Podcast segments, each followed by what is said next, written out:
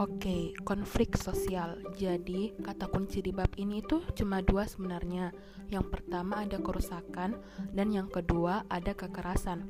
Nah, konflik ini juga biasa diartikan yaitu adanya selisih paham serta perbedaan tujuan antara golongan, kelompok, suku bangsa, dan lain-lain. Nah, segala sesuatu yang memiliki kontak serta emosi juga bisa disebut konflik loh. Kok bisa? Nah, aku jelaskan ya. Kontak seperti apa? Misalnya nih, pesan A tidak sampai ke pesan B. Begitu pula sebaliknya atau biasa kita kenal dengan miskomunikasi. Nah, emosinya seperti apa? Biasanya emosi terjadi apabila pihak A menghancurkan atau merugikan pihak B. Nah, ketiga, nah ketika si pihak A itu menghancurkan atau merugikan pihak B, sedang pihak B merasa dirugikan oleh pihak A, biasanya di situ ter terjadi pertikaian dan menimbulkan konflik.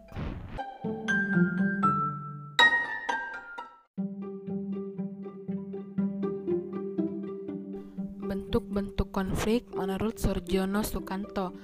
Menurut Surjono Sukanto, bentuk-bentuk konflik itu terbagi menjadi lima. Yang pertama ada konflik pribadi.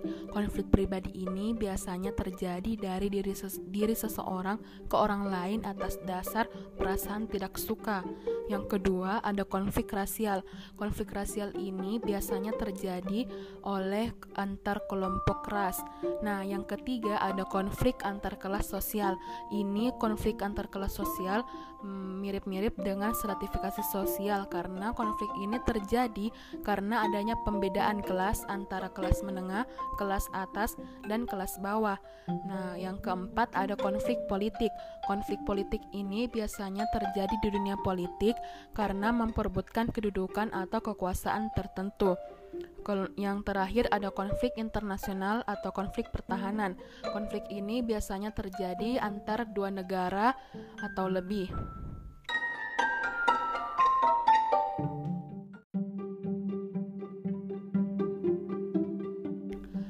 Setelah bentuk-bentuk konflik menurut Surjono Sukanto, ada konflik berdasarkan cakupannya. Nah, konflik berdasarkan cakupannya ini terbagi menjadi empat. Yang pertama ada konflik vertikal. Konflik vertikal ini terjadi antara pihak yang memiliki kedudukan tidak sejajar. Yang kedua ada konflik horizontal. Konflik horizontal merupakan kebalikan dari konflik vertikal biasanya terjadi di antara pihak yang kedudukannya sejajar. Yang ketiga, ada konflik terbuka.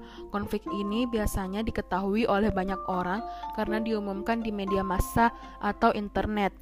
Yang terakhir ada konflik tertutup. Nah, konflik tertutup ini juga sebaliknya dari konflik terbuka. Tidak diketahui oleh banyak orang, dia bersifat laten, dia bersifat laten dan hanya diketahui oleh beberapa oknum saja.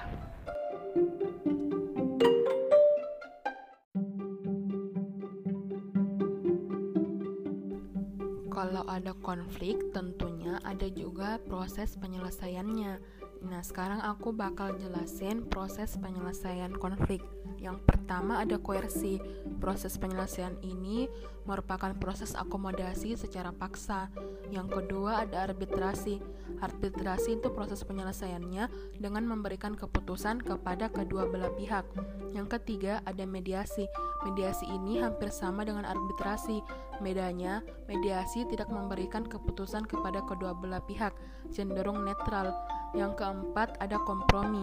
Nah, kompromi ini kedua pihak mengurangi tuntutannya. Yang kelima, saling memahami antara dua belah pihak atau biasa disebut dengan toleransi. Yang keenam, ada stalemate. Stalemate ini biasanya penyelesaiannya yaitu berhenti dengan sendirinya karena kekuatan masing-masing pihak itu seimbang. Yang ketujuh ada adjukasi. Adjukasi ini yaitu penyelesaiannya dibawa ke pengadilan. Yang kedelapan adalah genjatan senjata, yaitu penangguhan konflik dalam jangka waktu tertentu. Yang kesembilan ada detente, yaitu kedua belah pihak mengurangi tuntutannya masing-masing. Yang kesepuluh ada eliminasi, yaitu salah satu pihak menyatakan kalah. Yang ke-11 ada konversi, yaitu pihak satu mengalah dan mulai menerima pendapat pihak yang lain. Yang ke-12 ada majority rules atau voting. Jadi biasanya di majority rules itu um, di voting untuk melihat siapa yang menang dan siapa yang kalah. Yang ke-13 ada minority consent tidak bisa tidak bisa dikalahkan namun dapat menerima keputusan bersama. Yang ke, yang terakhir atau yang ke-14 ada segregation yang ini kedua belah pihak memilih untuk tidak bertemu sama sekali daripada ketika mereka bertemu men, itu menimbulkan pertikaian.